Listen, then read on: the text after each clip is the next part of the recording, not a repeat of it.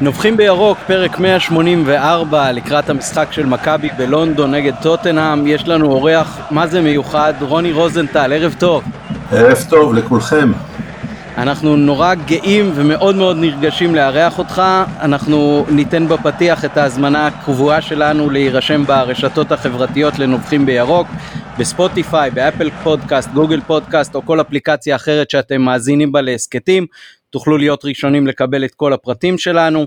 אז uh, כמו שאמרנו, האורח זה רוני רוזנטל, מתן גילאור גם איתי הערב, מה שלומך מתן? היי, אתה יודע, אירחנו כבר בשחקנים גם כשהיו גדולים במכבי בהסכת, ותמיד זה היה כיף ומרגש, אבל זו, זאת פעם ראשונה שאני מרגיש ממש, אתה יודע, כמו גרופי כזה, כי אתה יודע, זיכרונות מרוני באנגליה בתור ילד והכל, זה, זה כבר יוצא דופן מבחינתי.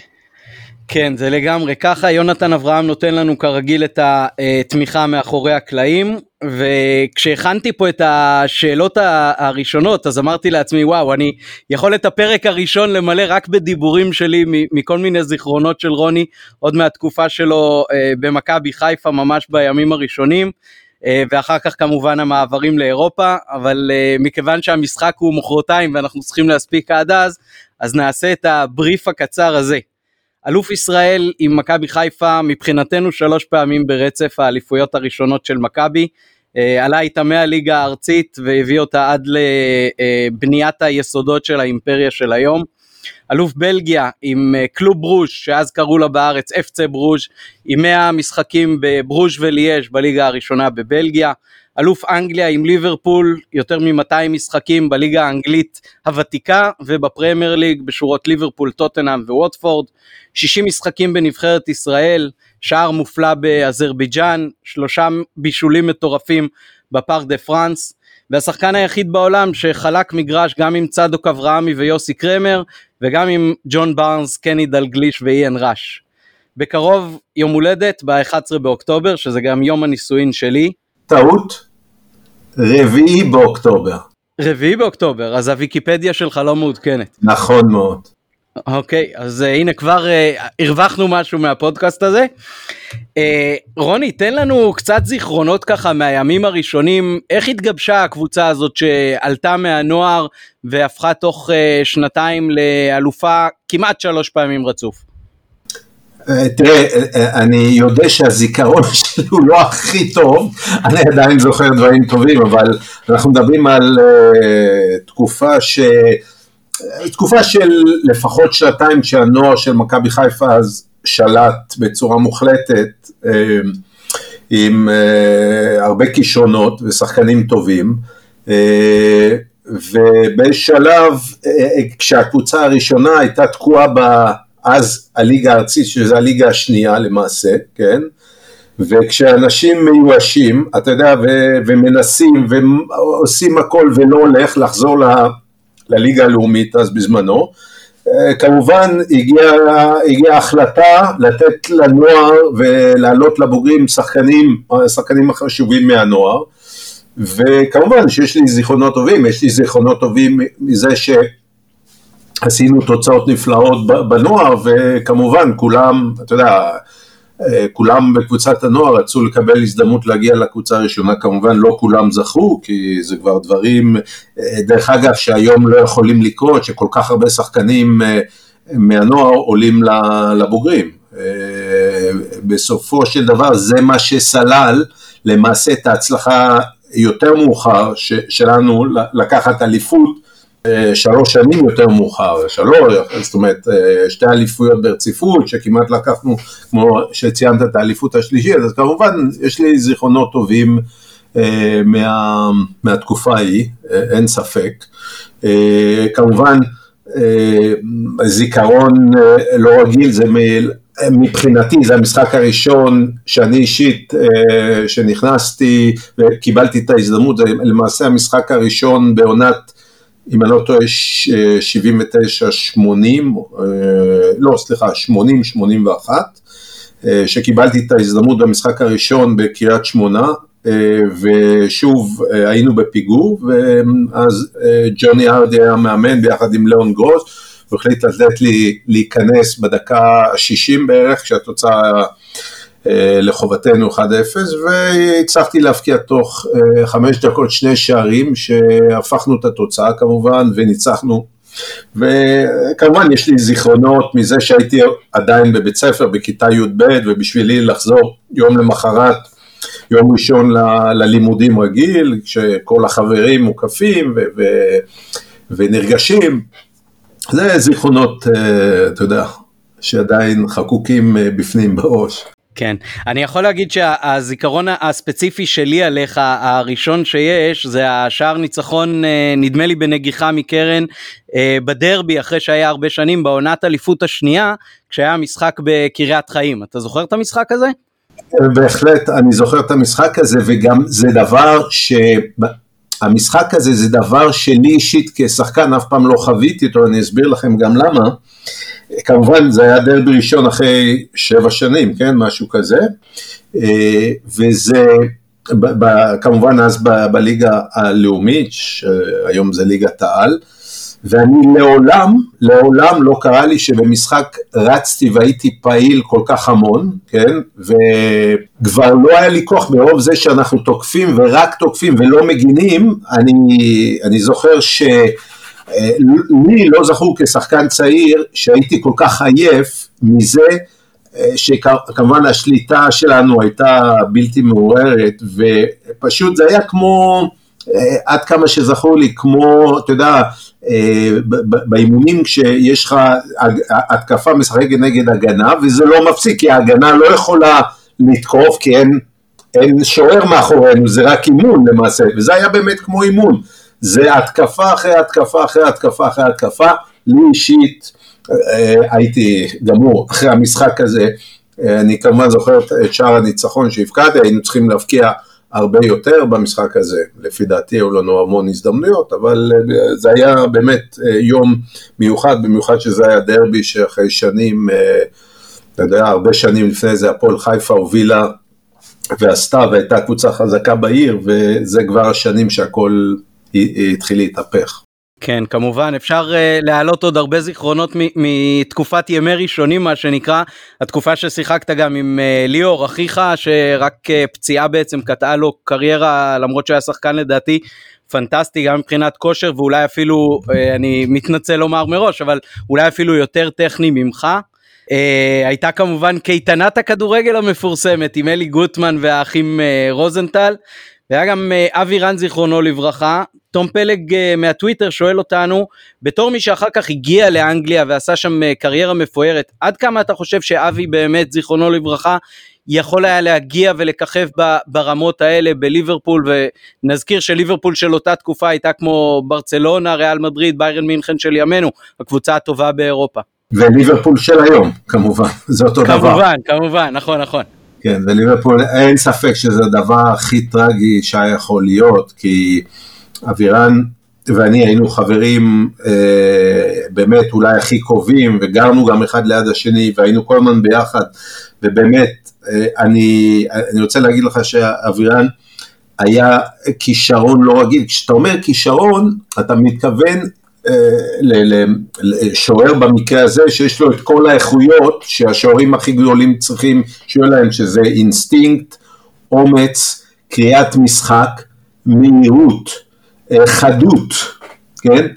אה, קודם כל אביאן היה יכול להיות קופץ לגובה, זה בטוח, היה לו ניתור, זה היה פשוט מטורף, הניתור שלו, ובגלל זה גם הוא היה למעשה מהיר, כי אתה יודע, מי שמהיר צריך להיות לו גם ניטור טוב, זה הרי כוח מתפרץ, ואין ספק שזה היה דבר טרגי, אני לא אשכח את היום הזה כשהייתי היה לי איזה יום חוף וזה היה וויקנד ולא היה לי משחק ואני זוכר שהייתי, אה, ישבתי עם אה, חברים אה, ואז הגיעה אליי ההודעה הזאת שזה היה פשוט נורא, ממש נורא, אני כמובן לא הספקתי להגיע גם לארץ, להלוויה ובאמת זה חבל ובאמת הוא שחקן שהיה יכול להגיע לרמות הכי גבוהות, כי היה לו פשוט את כל. כמובן זה קשה להגיד בוודאות אם הוא היה משחק, אבל היה לו הכל, זאת אומרת, אם היה לו את כל הכישורים להיות ברמות הכי גבוהות, סביר להניח שהוא היה יכול להיות בקבוצות כמו ליברפול, או, או מצ'סטר יונייטד, או צ'לסי, או מילאן, או אינטר, אתה יודע, אה, סוג הקבוצות האלו, וכן, פשוט אבי היה לו...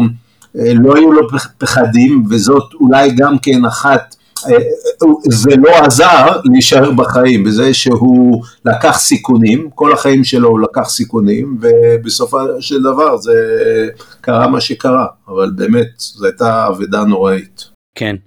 אה, נחזור לרגעים יותר שמחים. אה, מי שמבוגר זוכר שבפתיח של תוכנית סיכום המחזור היה קטע פתיחה שכלל בין היתר את המשחק של מכבי נגד הפועל תל אביב, שבו רואים אותך פותח רגליים ובדרך הזאת בעצם אה, מבשל אחר כך אה, שער אה, נגד הפועל תל אביב. שואל אותנו מר קו בטוויטר, האם אתה זוכר מי הבקיע את אותו שער? אה, כן, אם אני לא טועה זה היה משה סלקטר. אם כן. אני לא טועה. נכון מאוד. אה, אוקיי, יפה מאוד. מבחינתך כשאתה מסתכל אחורה, מה היה בעצם הרגע הכי גדול שלך במכבי? אה, האליפות הראשונה אין ספק, כן. האליפות הראשונה זה, זה היה דבר, כי התחלנו למעשה את השנה מצוין, כן, זה זכור לי.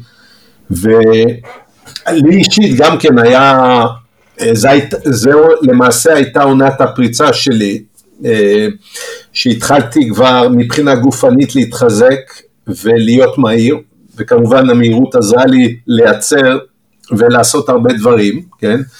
אה, ומה שקרה, אם אני לא טועה, עד העונה התחילה למעשה בתחילת ספטמבר, ואם אני לא טועה בסביבות נובמבר, נפצעתי, הייתה לי אה, פגיעה די קשה בברך, במשחק נגד מכבי פתח תקווה, ואני תמיד אזכור את היום שכמובן אה, קיבלתי מכה בברך והייתי שכוב על הרצפה, אני לא זוכר גם מה הייתה התוצאה באותו יום נגד מכבי פתח תקווה, אבל מה שזכור לי שניסיתי לקום ולא יכולתי ושלמה אה, שרף נורא, כאילו כעס עליו, הוא אמר תקום, כי הוא חשב שאולי אני קצת אה, לוקח את הזמן וקצת מתעצל כזה, לא יכולתי, פשוט כאבים אדירים ברגל, הרגשתי שהברך שלי מפורקת והוא צעק לי תקום כבר, תתחיל לשחק, הוא לא...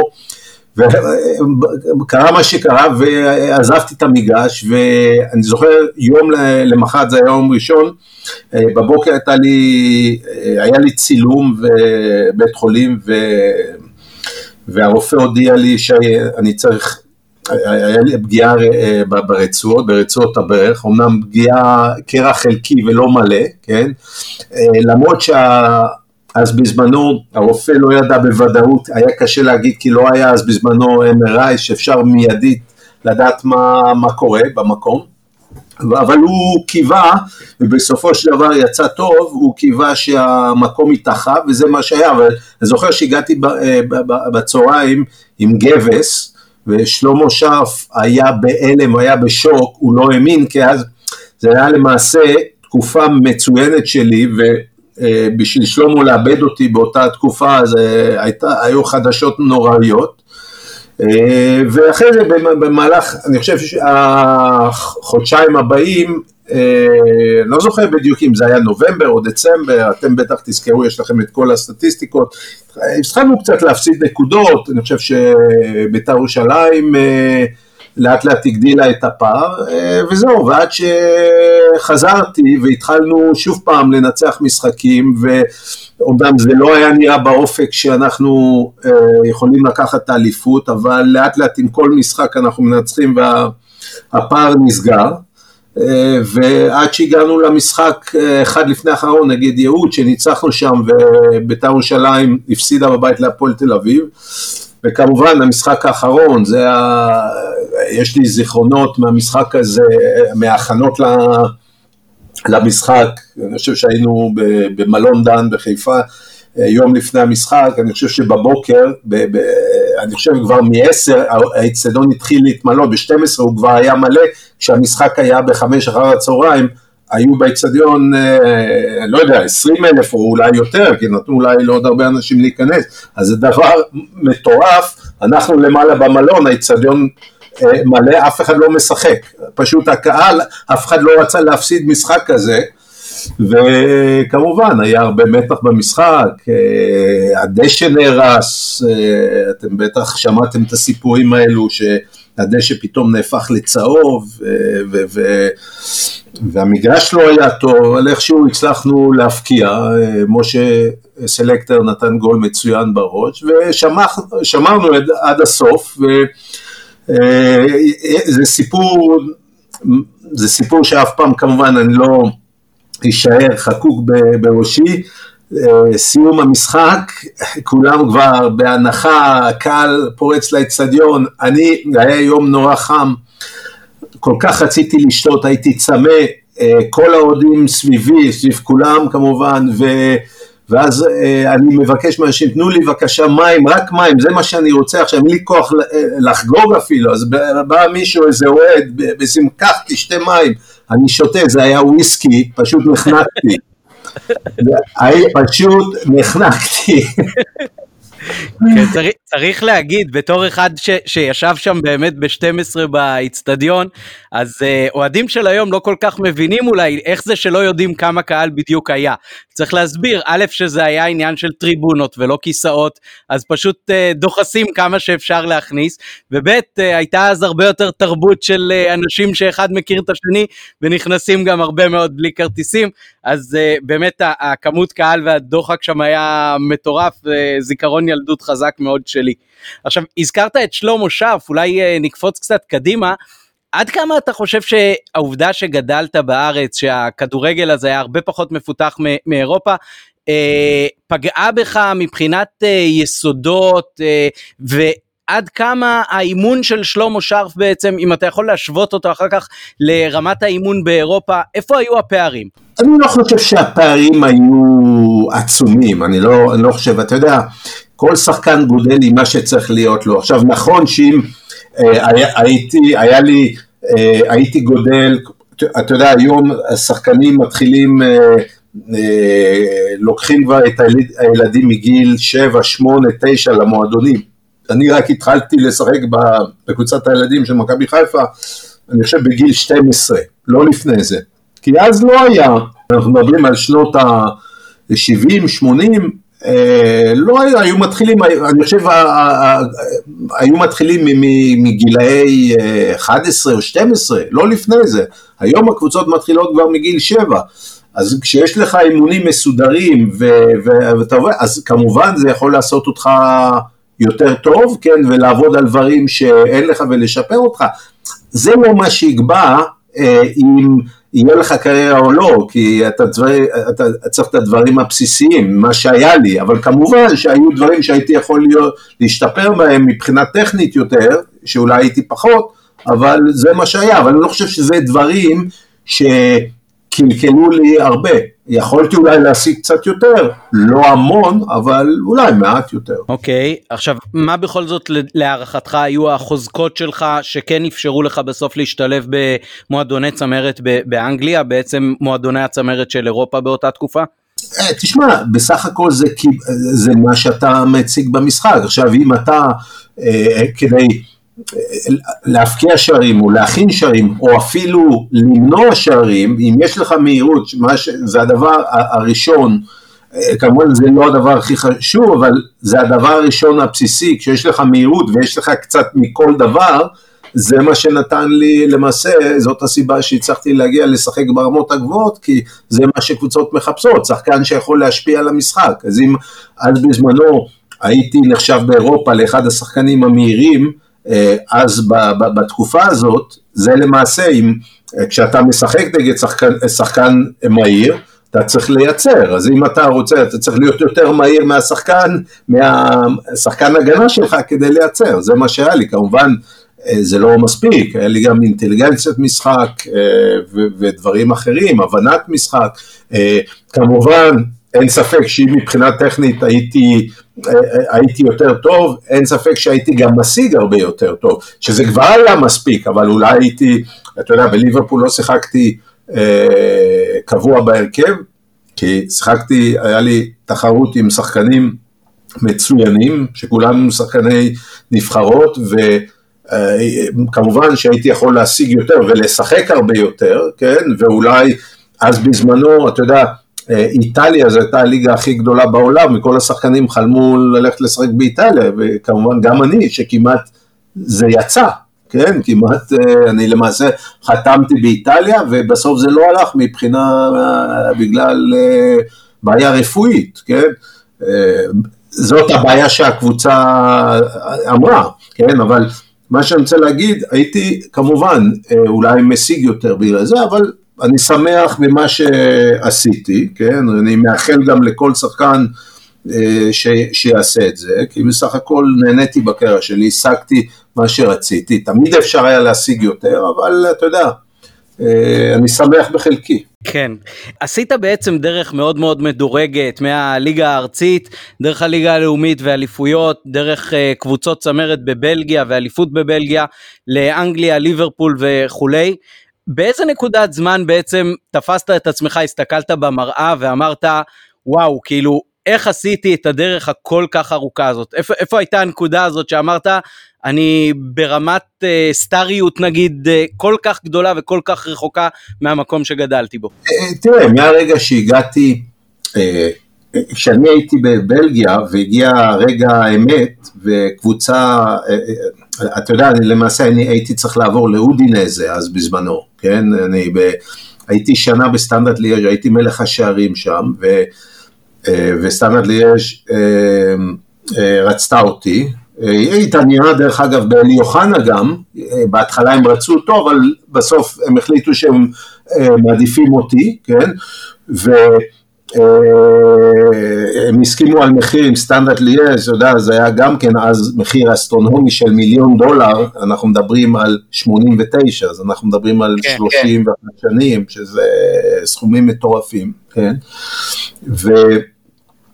בשבילי זה היה הרגע, אני אומר, אתה יודע, זה היה רגע אה, חלומי מבחינתי, כאילו לעשות המעבר לליגה הכי גדולה בעולם, מה שבסופו של דבר לא יצא, כן, מ, כי בסופו של דבר הסיבה האמיתית שאודינזם אה, בסוף אה, מצאו שחקן אחר, אבל הם מצאו איזה בעיה רפואית שנולדתי איתה בגב, שראו את זה בצילום, כן, והחליטו אה, לסגת, כן, מה שלשמחתי זה שינה לי את כל החיים, בגלל זה כבר יצא לי לשחק יותר מאוחר בליברפול, עכשיו כשהגעתי לליברפול ו, ועשיתי מה שעשיתי, אתה יודע, זה היה מבחינתי הדבר שחלמתי למעשה, זה להגיע לרמה, לרמה גבוהה, זה יצא אולי, אתה יודע, קשה להגיד אז בזמנו שזה ליברפול זו הייתה הרמה הכי טובה בעולם, כי היה אז בזמנו עוד איטליה שזה היה, אבל אתה יודע, לרמות כאלו זה כבר לא משנה אם אתה באנגליה או באיטליה או בספרד, זה מה שרציתי וזה מה,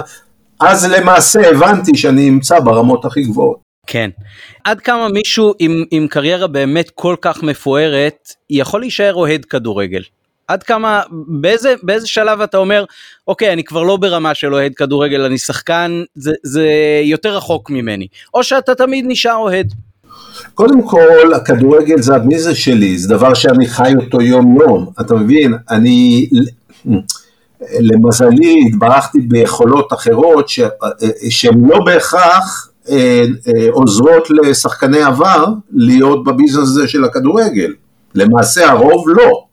אבל עדיין אה, התברכתי ביכולות שנתנו לי להמשיך להיות בכדורגל. אז כמובן אני לא אוהד שרוף של קבוצה זאת או אחרת, כן? כמובן כל הקבוצות שאני שיחקתי בהן אני קצת יותר מתעניין וזה, אבל אני לא אני, זה המקצוע שלי, אני כל הזמן, אני, התפקיד שלי זה לגלות ולראות מה השחקנים שמחר יהיו השחקנים הכי טובים בעולם. זה, זה היכולות שלי, בזה אני מתעסק כל יום, אז אולי אני לא דוגמה לזה, כשיש עוד שחקנים אחרים שאחרי זה כבר, אחרי הכדורגל כבר עושים דברים אחרים או לא עושים בכלל, אתה מבין? כי לשחקן כדורגל אחרי, אחרי שהוא מסיים את הקריירה, לא פשוט למצוא מה הוא מתעסק אחרי זה, אתה מבין? אז אני, אין לי את המחשבות האלו, אני פשוט, כמו שאני לא אוהד אה, שרוף, אבל עדיין מתעניין, אני מסתכל, אני הולך לראות אה, משחקים, כן, אה,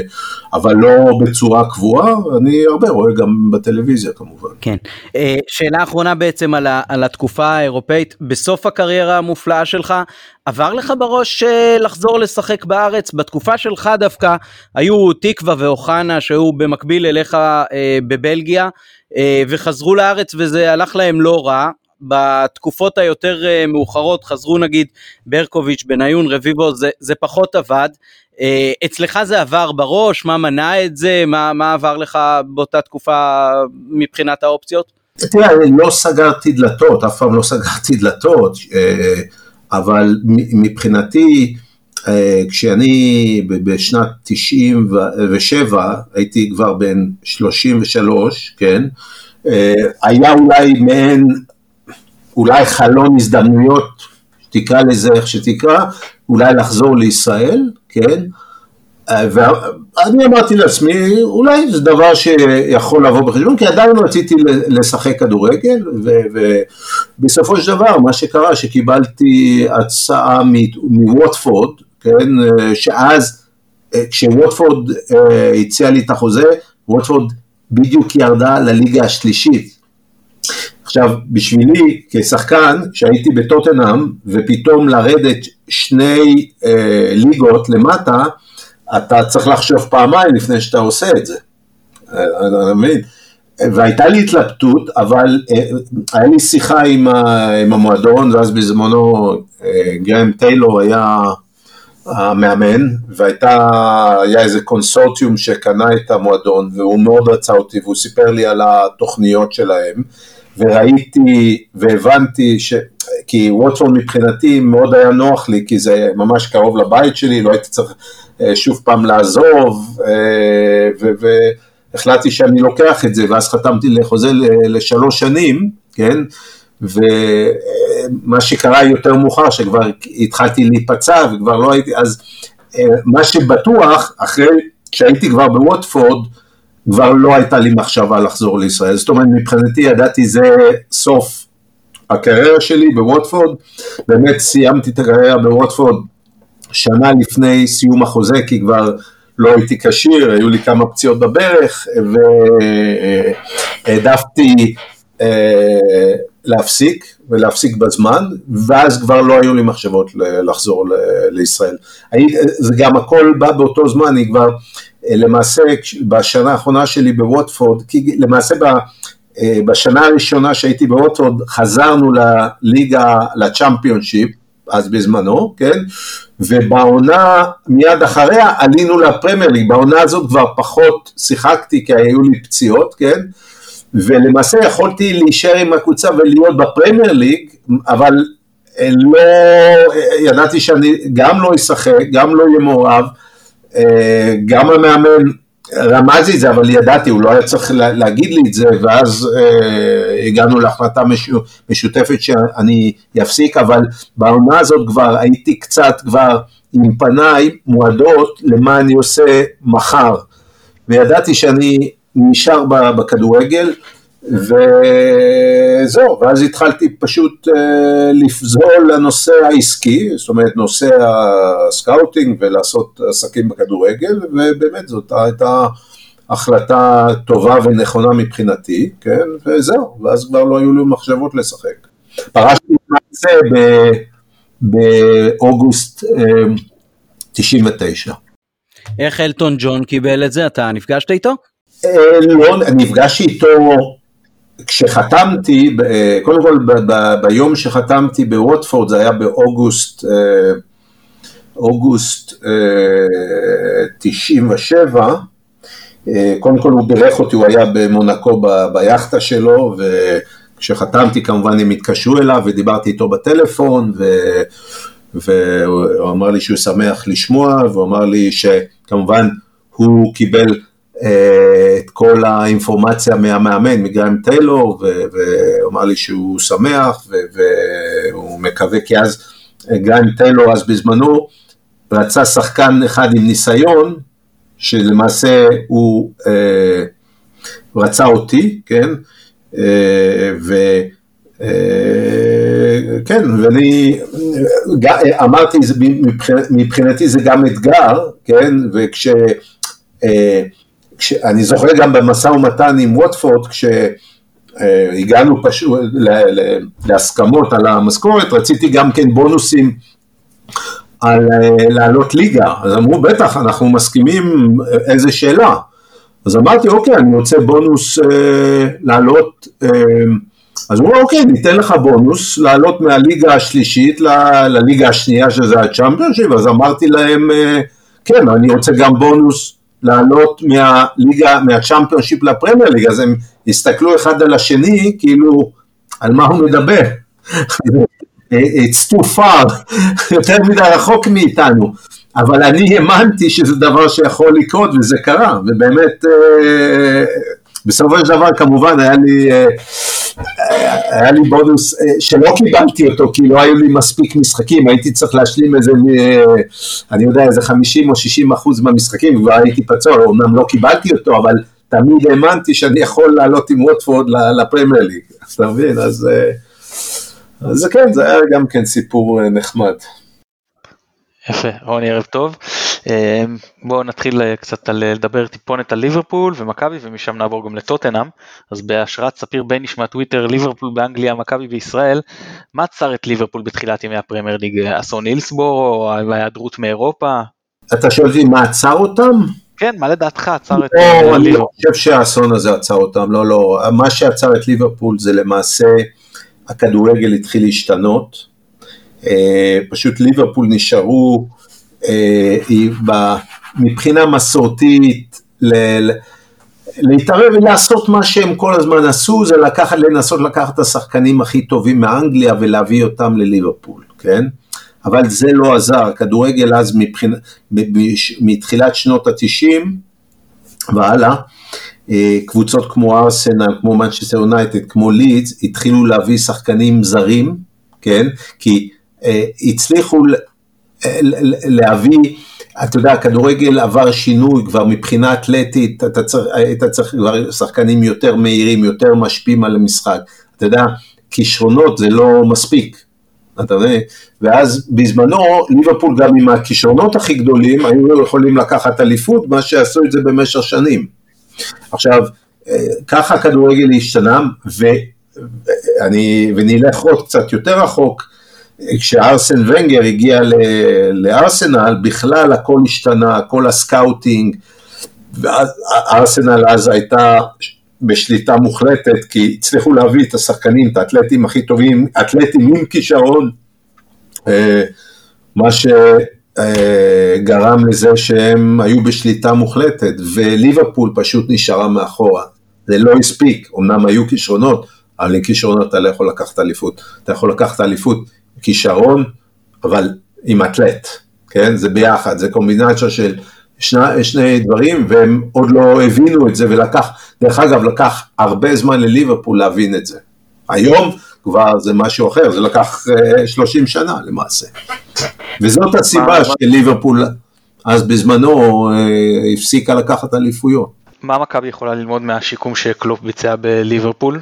אולי אז אתה רואה בזה קווים למרקו בלבול, היה צריך להשאיר אותו? אה, אני לא חושב שהבעיה זה, מרקו בלבול לא היה מאמן של, אה, לא, לא הבעיה של מכבי חיפה, אני חושב שהוא עשה עבודה טובה, אין ספק, אה, אני חושב שהנושא של הנוער והילדים ומה אתה מייצר, כמובן אין ספק שמה שאתה גם כן אה, שחקנים שאתה רוכש, או אה, כל השחקנים הזרים, אז אם יש לך שחקנים זרים אה, שמשפיעים על המשחק, כן, זה דבר מאוד מאוד חשוב, כן, וכמובן שחקנים שאתה מייצר במחלקת הנוער, כן, ואני יודע שבשנים האחרונות מכבי חיפה די סבלה מהנושא הזה, אם אתה משווה קצת מכבי תל אביב, לדוגמה, ששם העבודה, לפי דעתי בנוער, אה, הרבה יותר טובה ממכבי חיפה, ויש תוצאות והם,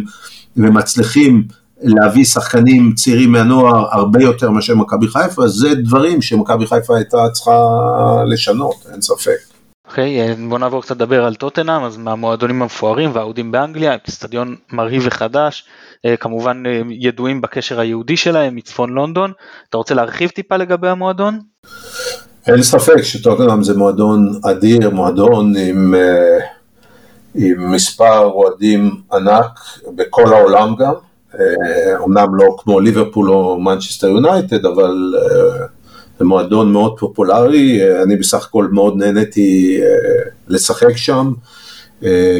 כמובן היום, אתה יודע, עם האיצטדיון, דרך אגב, גם אז כשאני שחקתי בטוטנאם, לפי דעתי לטוטנאם היה את האיצטדיון אולי אפילו הכי יפה והכי מהנה לשחק, כי זה היה איצטדיון מאוד סימטרי, מאוד קרוב ל... ו- ומאוד יפה גם כן, ש- שדרך אגב, מי שעיצב אותו זה ישראלי בשם יגאל יעבד שנפטר, היה אחד בעלי המניות בטוטנאם, בתקופה שאני הגעתי לטוטנאם, כן, והוא אה, הוא למעשה עיצב את האיצטדיון.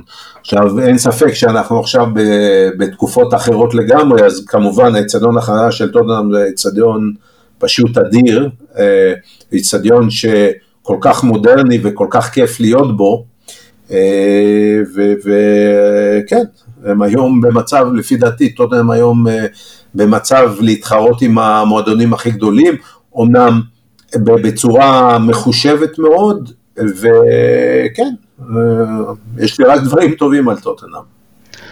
בעד מי אתה תהיה במשחק ביום חמישי, מכבי או ספרס? שאלו אותי הרבה פעמים שהכי טוב במשחק ינצח. עכשיו, אני אגיד דבר שהוא מאוד מפתיע, כן? לפי דעתי, אם אני מסתכל על אה, מכבי חיפה, אני חושב שמכבי חיפה, הסיכוי של מכבי חיפה להפתיע את טוטנאם הוא יותר פה, מאשר בחיפה, זו דעתי. כי, ותשאל אותי למה, כי אה, בבית טוטנאם תרצה תמיד ללחוץ יותר, לנצח יותר, כשמכבי חיפה יכולה לשחק אולי משחק יותר מבוקר, וכשאתה במצבים כאלו אתה יכול להפתיע את היריב, ואין ספק, אה, כשיש לך רק משחק אחד, האנדרדוגס יכולים ליהנות מזה יותר, ובמקרה הזה זה מכבי חיפה, עם שני משחקים, הסיכוי של טוטנאם לעבור הוא, הייתי אומר אולי 90 אה, אחוז, וכשיש משחק אחד, ואפילו שהוא בטוטנאם, לפי דעתי הסיכויים של מכבי חיפה לעבור הם גדלים אולי מ-20 אחוז ל-40 אחוז. אתה מארגן לעצמך איכשהו לשבת ביציע במשחק או שתראה בטלוויזיה? לא, אני לא, האמת שרצו להזמין אותי אה, לעשות להיות אה, באיזה סוג מסוים של אה, אינטרוויו כזה או רעיון לפני המשחק ואחרי המשחק, אבל העדפתי לראות את המשחק מהבית. אה, שמע, זה כבר לא אותה אווירה, האמת, אתה יודע, כשבזמנים הרגילים להיות באצטדיון של דוטנאם דבר אה, מטורף, אני אה, לא אשכח את המשחקים של טוטנאם בחצי גמר בצ'מפיון ליג, אה, נדמה לי נגד אייקס פה ונגד מנצ'סטר סיטי, זה היום פשוט משחקים אדירים עם אווירה מחשמלת, אז לבוא עכשיו לראות את המשחק באיצטדיון ריק, זה לא, ממש לא עניין אותי, אני אראה כמובן בטלוויזיה. האם יצא לך להיחשף ליציאה של אה, מוחמד אבו פאני ואם כן האם נראה לך שיהיה לזה משקל איזושהי השפעה? שמעתי על זה, אה, אתה יודע אני לא יודע, לא, אני לא ממש מכיר את כל הפרטים, אני לא יודע באיזה, איך זה יצא, למה זה יצא, אז קשה לי להגיב, זה לא נעים, אני חושב שאתה יודע, הוא יצטרך ללמוד מזה, אתה יודע, כולנו עושים טעויות בחיים, פשוט צריך, אה, מי שחכם לומד מהטעויות, אז אתה יודע, זה דברים ש... אה, אם אני יכול לנחש, זה אולי יציאה כזאת ספונטנית, בלי ממש כוונה מסוימת. כן, כן, זה היה סתם חגיגות כאילו אחרי משחק, השאלה אם יש לזה השפעה מבחינת אם זה מגיע... לא ממש. לא ממש. לא ראיתי, אתה מתכוון השפעה, זאת אומרת, אם... דנו על זה ודשו את זה בתקשורת. אתה... אם, זה מדליק נגיד את שחקני טוטנה במידה מסוימת. לא. לא, לא, לא, לא חושב. אוקיי, האם מישהו מהקבוצות התייעצו איתך לפני המשחק לגבי הקבוצה היריבה? לא, לא, לא, לא. הם לא צריכים להתייעץ איתי כי היום, אתה יודע, אה, מתייעצים כשהיום בקליק אחד אתה רואה כל רגע וכל מהלך של כל שחקן בכל קבוצה, אתה מבין? אז אין אה, ממש, אין מה להתייעץ, התייעצו אותי בזמנו, אני זוכר כש... אה, לא יודע, היו משחקים של מכבי חיפה, או מכבי תל אביב, או הפועל תל אביב, אז קרה מדי פעם שקבוצות התקשרו אליי ושאלו אותי, כן, זה, זה קרה, אבל לא, לא, בכלל לא במקרה הזה. היה לטוטנאם את ניוקאסל ביום ראשון, צ'לסי אה, היום יש להם אה, אותנו בחמישי ויום ראשון את מנצ'סטר יונייטד. עומס המשחקים יכול איכשהו להשפיע לטובתנו יכול להיות שיעשו איזה רוטציה או שהמשחק הזה חשוב מדי וההרכב הראשון יפתח לדעתך. אני בטוח שיש רוטציה ואני בטוח שההרכב של טוטנאם הוא יהיה אה, אני לא יודע אולי יהיו שלושה ארבעה שחקנים שישחקו גם ביום חמישי אני חושב שזה טוב למכבי חיפה זה יתרון אין ספק. אנחנו מדברים, אני בכלל, האמת שרק היום קלטתי שטוטנאם משחקים, אני, אני כל כך עסוק עכשיו בדברים אחרים, שלא אה, ידעתי שהם משחקים היום. בדיעבד זה דבר שיכול לעזור, אין ספק, שיכול לעזור למכבי חיפה. האם אה, מכבי חיפה בארץ לפחות זו קבוצה שמחזיקה בשיעורים אה, מאוד גבוהים בכדור, הכי גבוהים בליגה, מול כל הקבוצות אגב, גם מול מכבי תל אביב, בכל המשחקים בעונה שעברה מכבי החזיקה יותר בכדור. האם אתה חושב שצריכים להמשיך בפרדיגמה הזאת גם במשחק חוץ מול טוטנאם, או שעדיף לעשות את שיטת האוטובוס של מוריניו מה שנקרא, להסתגר ולנסות לעקוץ במתפרצות? קשה, אתה יודע, זה קשה להגיד, אין ספק, אין לי ספק ש... מכבי חיפה תשחק יותר מבוקר במשחק הזה ו, אה, ותקווה להפתיע, אתה מבין? אה, כי אל תשכח שלטונה משחקנים אה, מבחינה אתלטית, אני לא, אני לא צריך אפילו לדבר על כישרון, כי גם למכבי חיפה יש שחקנים כישרונים, אבל כישרון לא קובע מי ינצח. בסופו של דבר, מי שיש לו את כל היתרונות, זאת אומרת כישרון ואתלטיות, אז למכבי, לטוטנאם יש שחקנים הרבה יותר מהירים ושחקנים שמשפיעים על המשחק וכמובן אה, כמובן שמכבי חיפה יכולה לקחת סיכונים וגם בגלל שהיא לוקחת סיכון יכולה להפקיע אבל אה, כמובן הסיכוי שגם שתחטוף שער וזה הם לא רוצים כך שאני מאמין שהם ישחקו בצורה מבוקרת ועם האפשרות אה, להפתיע.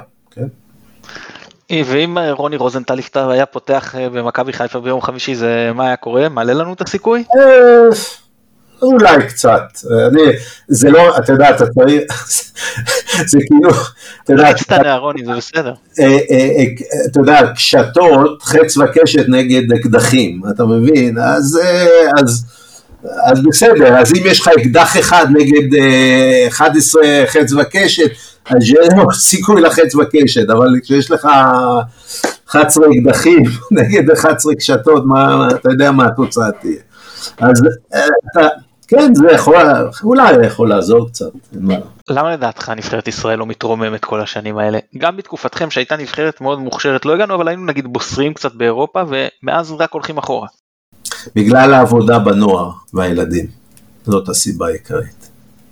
אין פה בעיה של מאמן או משהו כזה, אנחנו פשוט לא מצליחים לייצר אה, שחקנים שמתאימים לרמות הבינלאומיות, כן, זה חד משמעית, כן, אה, אני חושב שכל הגישה למחלקות הנוער בישראל היא שגויה, כן? אז נכון שיש קבוצות כמו מכבי חיפה ומכבי תל אביב, אולי מכבי פתח תקווה שמשקיעים יותר, אבל זה צריך לבוא מההתאחדות לכדורגל, וההתאחדות לכדורגל צריכה יום אחד בצורה דרסטית להחליט לקבוצות אה, לפנות תקציבים די גדולים מהקבוצות הראשונות, על מנת לייצר ולפתח שחקנים צעירים, וזאת הסיבה האמיתית. וביום שזה יקרה גם יהיה לנו שחקנים יותר.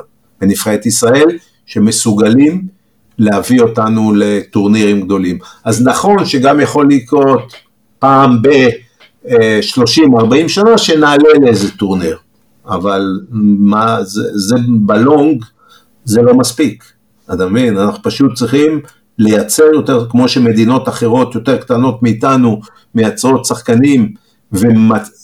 ובסופו של דבר מגיעים לטורנירים גדולים, אותו דבר, אנחנו יכולים לעשות את זה, פשוט נכון ששיפרנו אה, את האצטדיונים, אין ספק, אני לא יודע אם אתה משווה את האצטדיונים היום ולפני אה, 10, 20, 30 שנה, אז המתקנים הרבה יותר טובים, אבל הדבר הכי חשוב זה המתקנים, מתקני האימון. ולפי דעתי מתקני האימון היו צריכים להיות לפני האצטדיונים. זאת אומרת, אם היינו את כל הכסף ושמים על קודם כל מתקני אימון, כן, ומגרשים לשחק ולמשוך אה, את הנוער והילדים, שיותר ילדים ישחקו כדורגל, כמובן כמה שיותר היו משחקים, ככה היה יותר סיכוי להוציא אה, שחקנים שבסופו של דבר ישחקו אולי בנבחרת ישראל, כי זרים הרי אנחנו לא יכולים לקחת לנבחרת. כן. מה קורה, קורה כרגע באנגליה מבחינת הקורונה, מה הנהלים ואיך זה עובד עם הקהל באצטדיונים?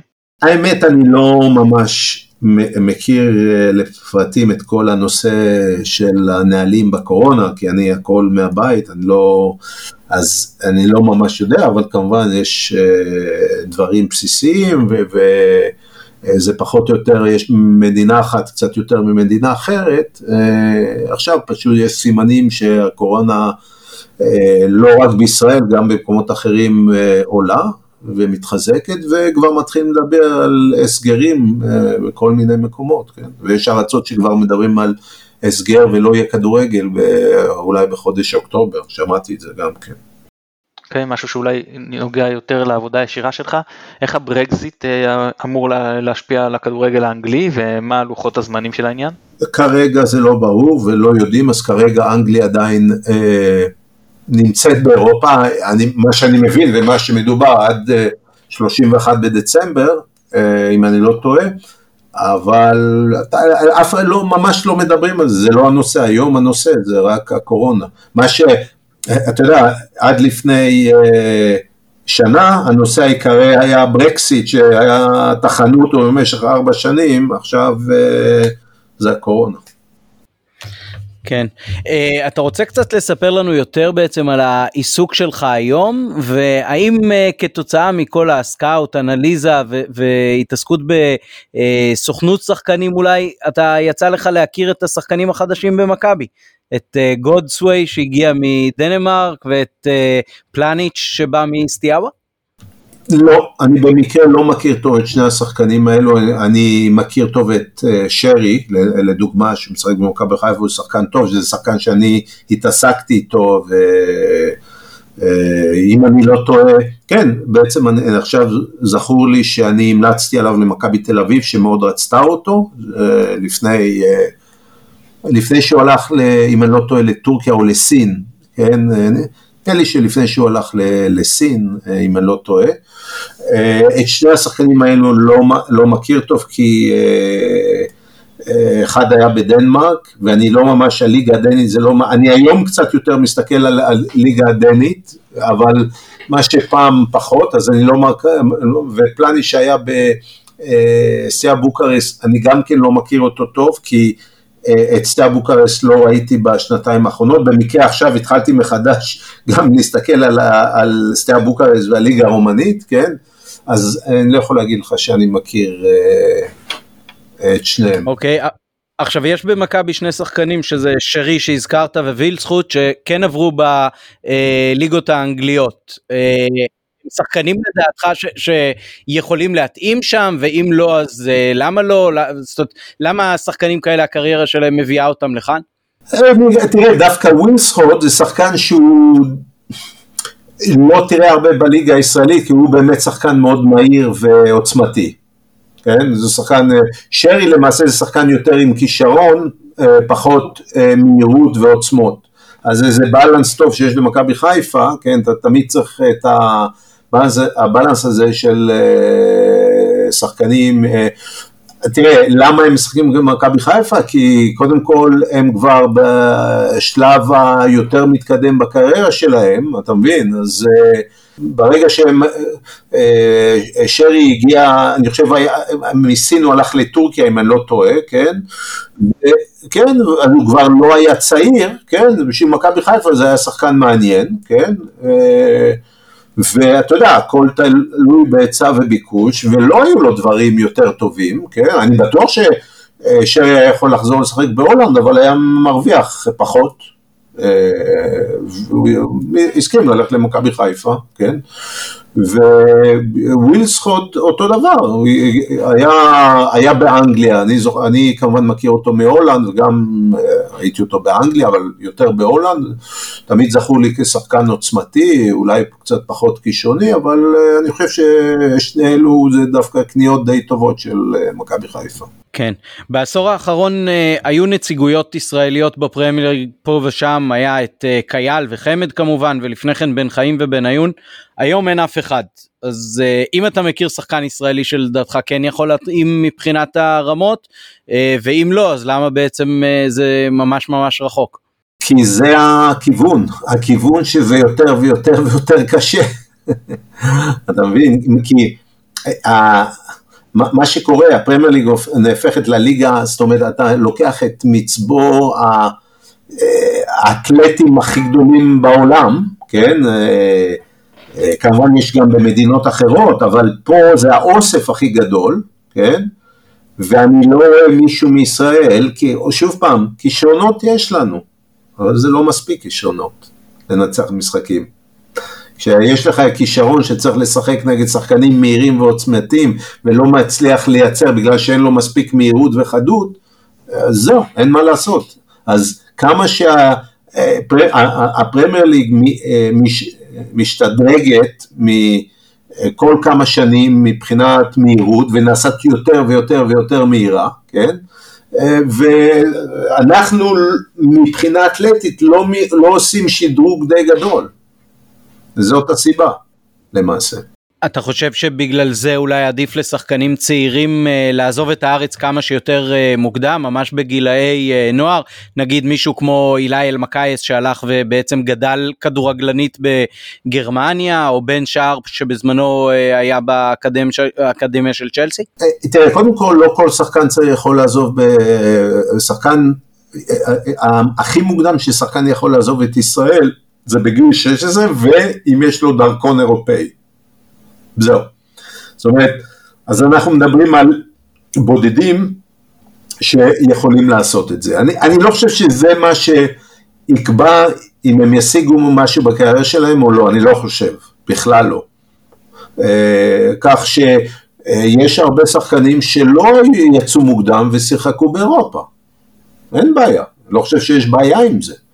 פשוט מאוד, אין ספק שזה נותן לך, אם אתה מגיע בגיל יותר צעיר ואתה סופג את מה שיש פה, אבל אני לא חושב שזה מה שישנה את הקריירה. מי שצריך להיות שחקן יהיה שחקן גם בישראל. אוקיי, okay, ואתה חושב שיש אה, איזושהי השפעה על העובדה שיש מגבלת זרים בארץ שמרימה בעצם את השכר של השחקנים הישראלים הטובים, שקצת אה, תוקעת אותם וחוסמת אותם מלעבור לאירופה?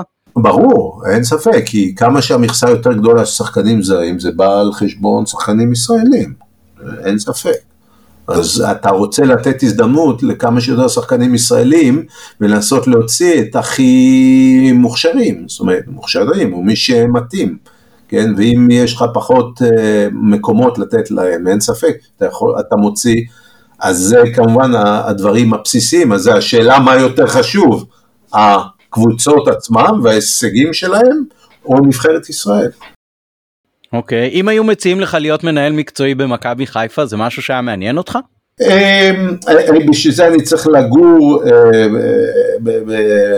בארץ, זה כבר עסק קצת יותר מורכב, אני, אה, אם היו מבקשים ממני ייעוץ, הייתי יכול לעזור להם, אני יודע בדיוק מה לעשות, אם זה למכבי חיפה או לנבחרת ישראל או לכל קבוצה אחרת, אני יודע בדיוק מה צריך כדי להוציא הרבה יותר שחקנים, אבל אני לא חושב שביום יום, אתה מבין, כדי להיות אה, זה, אם יום אחד אני אחליט לבוא ולגור בישראל, זה משהו אחר, אני לא יכול להגיד לך כרגע לא, זה קצת יותר מורכב, אבל יש לי מספיק לתרום מהידע שלי, כי אני לא רק, אה, אני התעסקתי גם אה, בדברים אחרים, רצתי עם הבן שלי מגיל צעיר למקומות, אז כבר למדתי וראיתי מה הקבוצות עושות, ובהחלט הייתי יכול לתרום, אין ספק.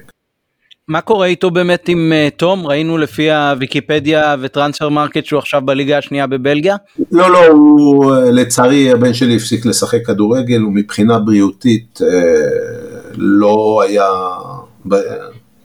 לא היה בסדר מבחינה בריאותית, פשוט, הוא פשוט הפסיק לשחק בקבוצה שלו כי לא שילמו לו כסף והקבוצה עמדה להתפרק, אמנם לא שילמו משכורות אז לא רק הוא דרך אגב, עוד שחקנים אחרים, אבל הוא היום במצב כזה שמבחינה בריאותית לא, לא היה כשיר. וכרגע זה המצב. אוקיי, אז הוא הולך לעבוד עם אבא?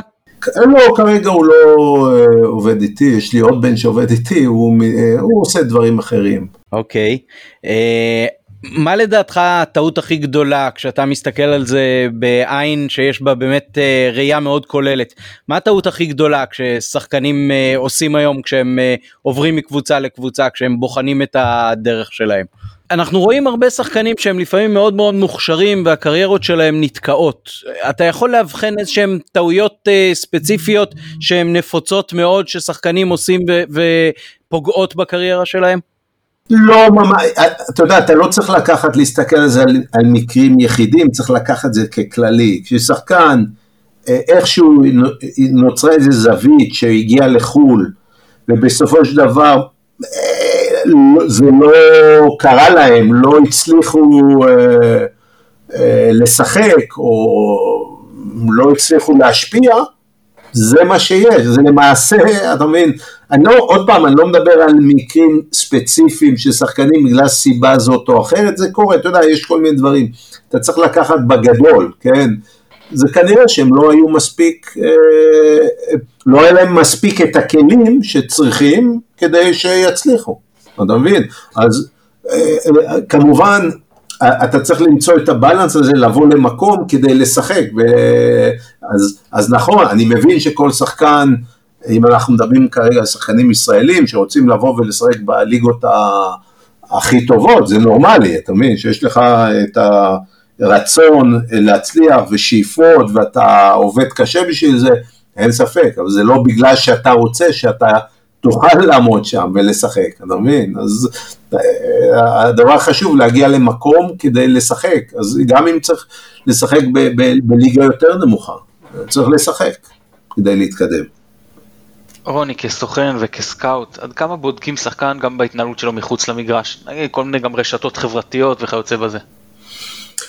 אה, אתה יודע, זה דברים שקצת יותר קשה, אתה צריך אינפורמציה על קבוצות שבודקות אה, שחקנים מבחינת האופי שלהם, אז הן מנסות, כי זה דברים שאתה, קשה לך יותר לזהות, אתה יכול לראות את השחקן עד כמה הוא מהיר, מה הוא מצליח לייצר במשחק, אה, הסטטיסטיקות שלו, זה קל לראות. אז נכון שמבחינה אישיות, קשה לראות את זה, אלא אם כן, הסקאוט נוסע ורואה והוא נמצא במקום וזה קשה לקבוצות, אז בגלל זה קורה הרבה פעמים שקבוצות נכשלות אה, עם שחקנים, שהביאו שחקנים, אבל בסופו של דבר הייתה בעיה אחרת שהיא אולי בראש, במנטליות או דברים סביב הכדורגל, וזה, וזה קורה, זה די הרבה.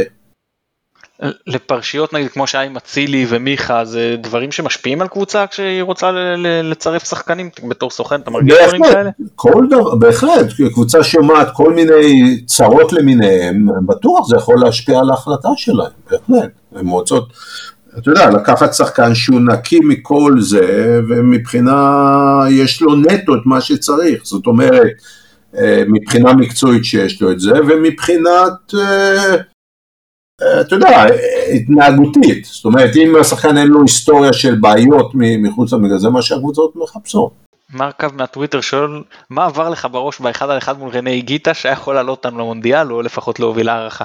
אה, כן זה היה רגע מאכזר אבל אתה יודע אה, אה, במקרה הזה זה היה דרך אגב ניר קליגר הרים לי כדור נהדר כן עשיתי את מה שהייתי צריך, גם היום הייתי עושה אותו, אבל לא רק אני, כל שחקן אחר, אתה יודע, כשאתה בועט אה, כדור יעף, ואתה תופס אותו, אתה לא יודע בדיוק לאיפה, אתה לא יכול לכוון אותו.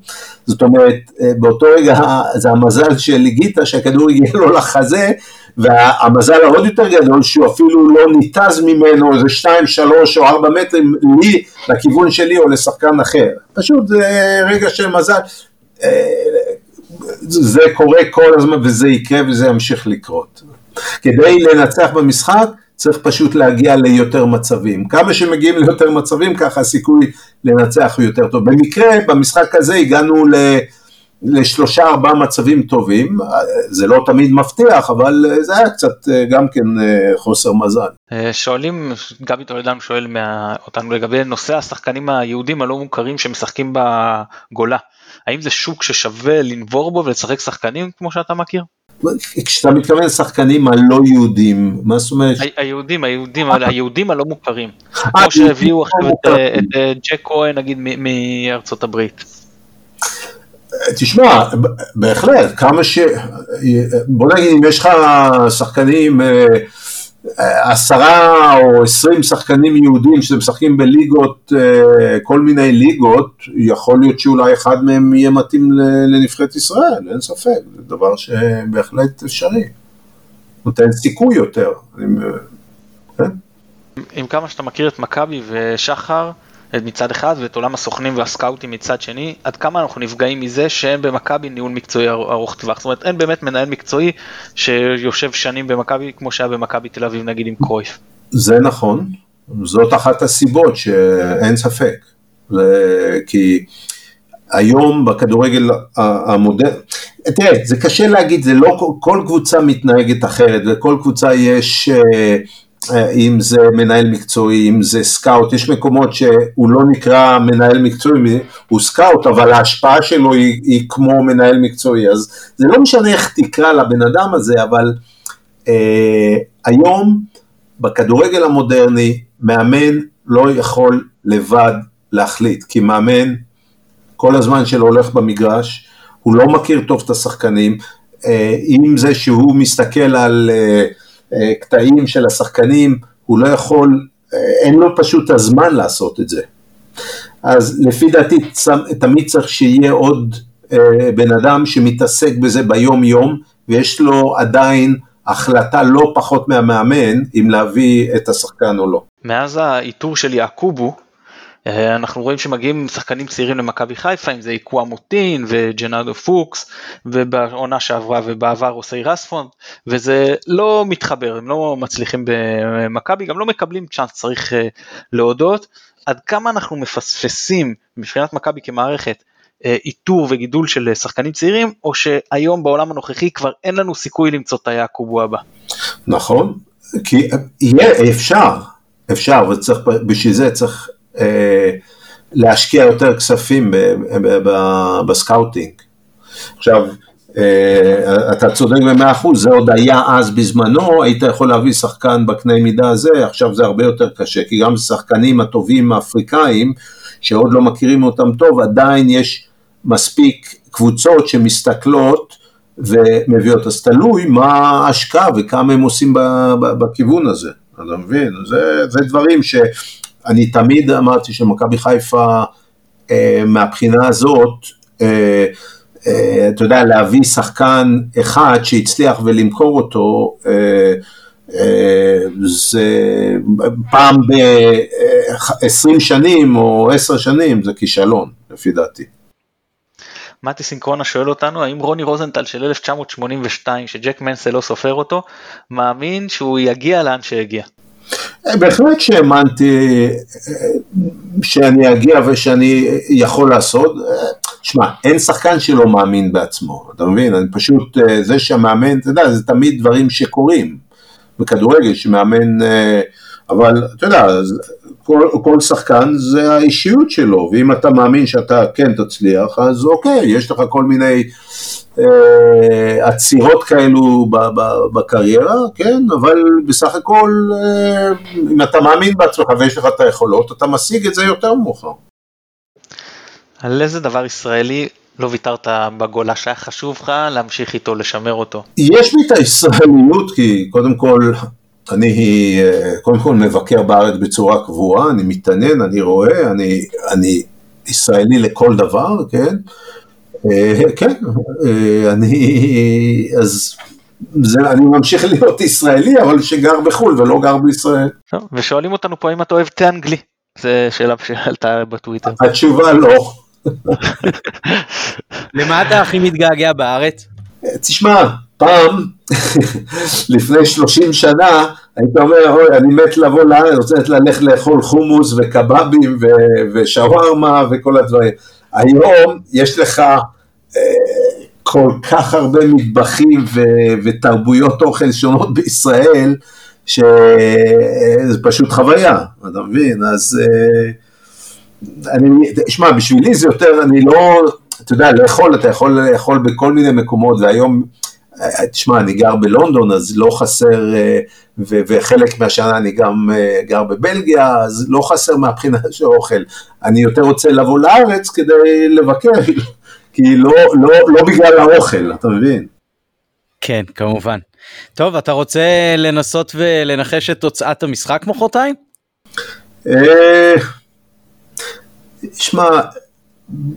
אנחנו היינו פחות אופטימיים ממך, זה אני יכול לומר. אני עדיין חושב שטוטנאם תנצח במשחק, אבל שוב פעם, אם למשל מכבי חיפה תפתיע, בשבילי זה, זה דבר שהוא עלול אה, לקרות, כן? אנחנו מדברים על משחק אחד, ונכון שיחסי קורות אה, הם כל כך גדולים, אה, עדיין אני חושב ש...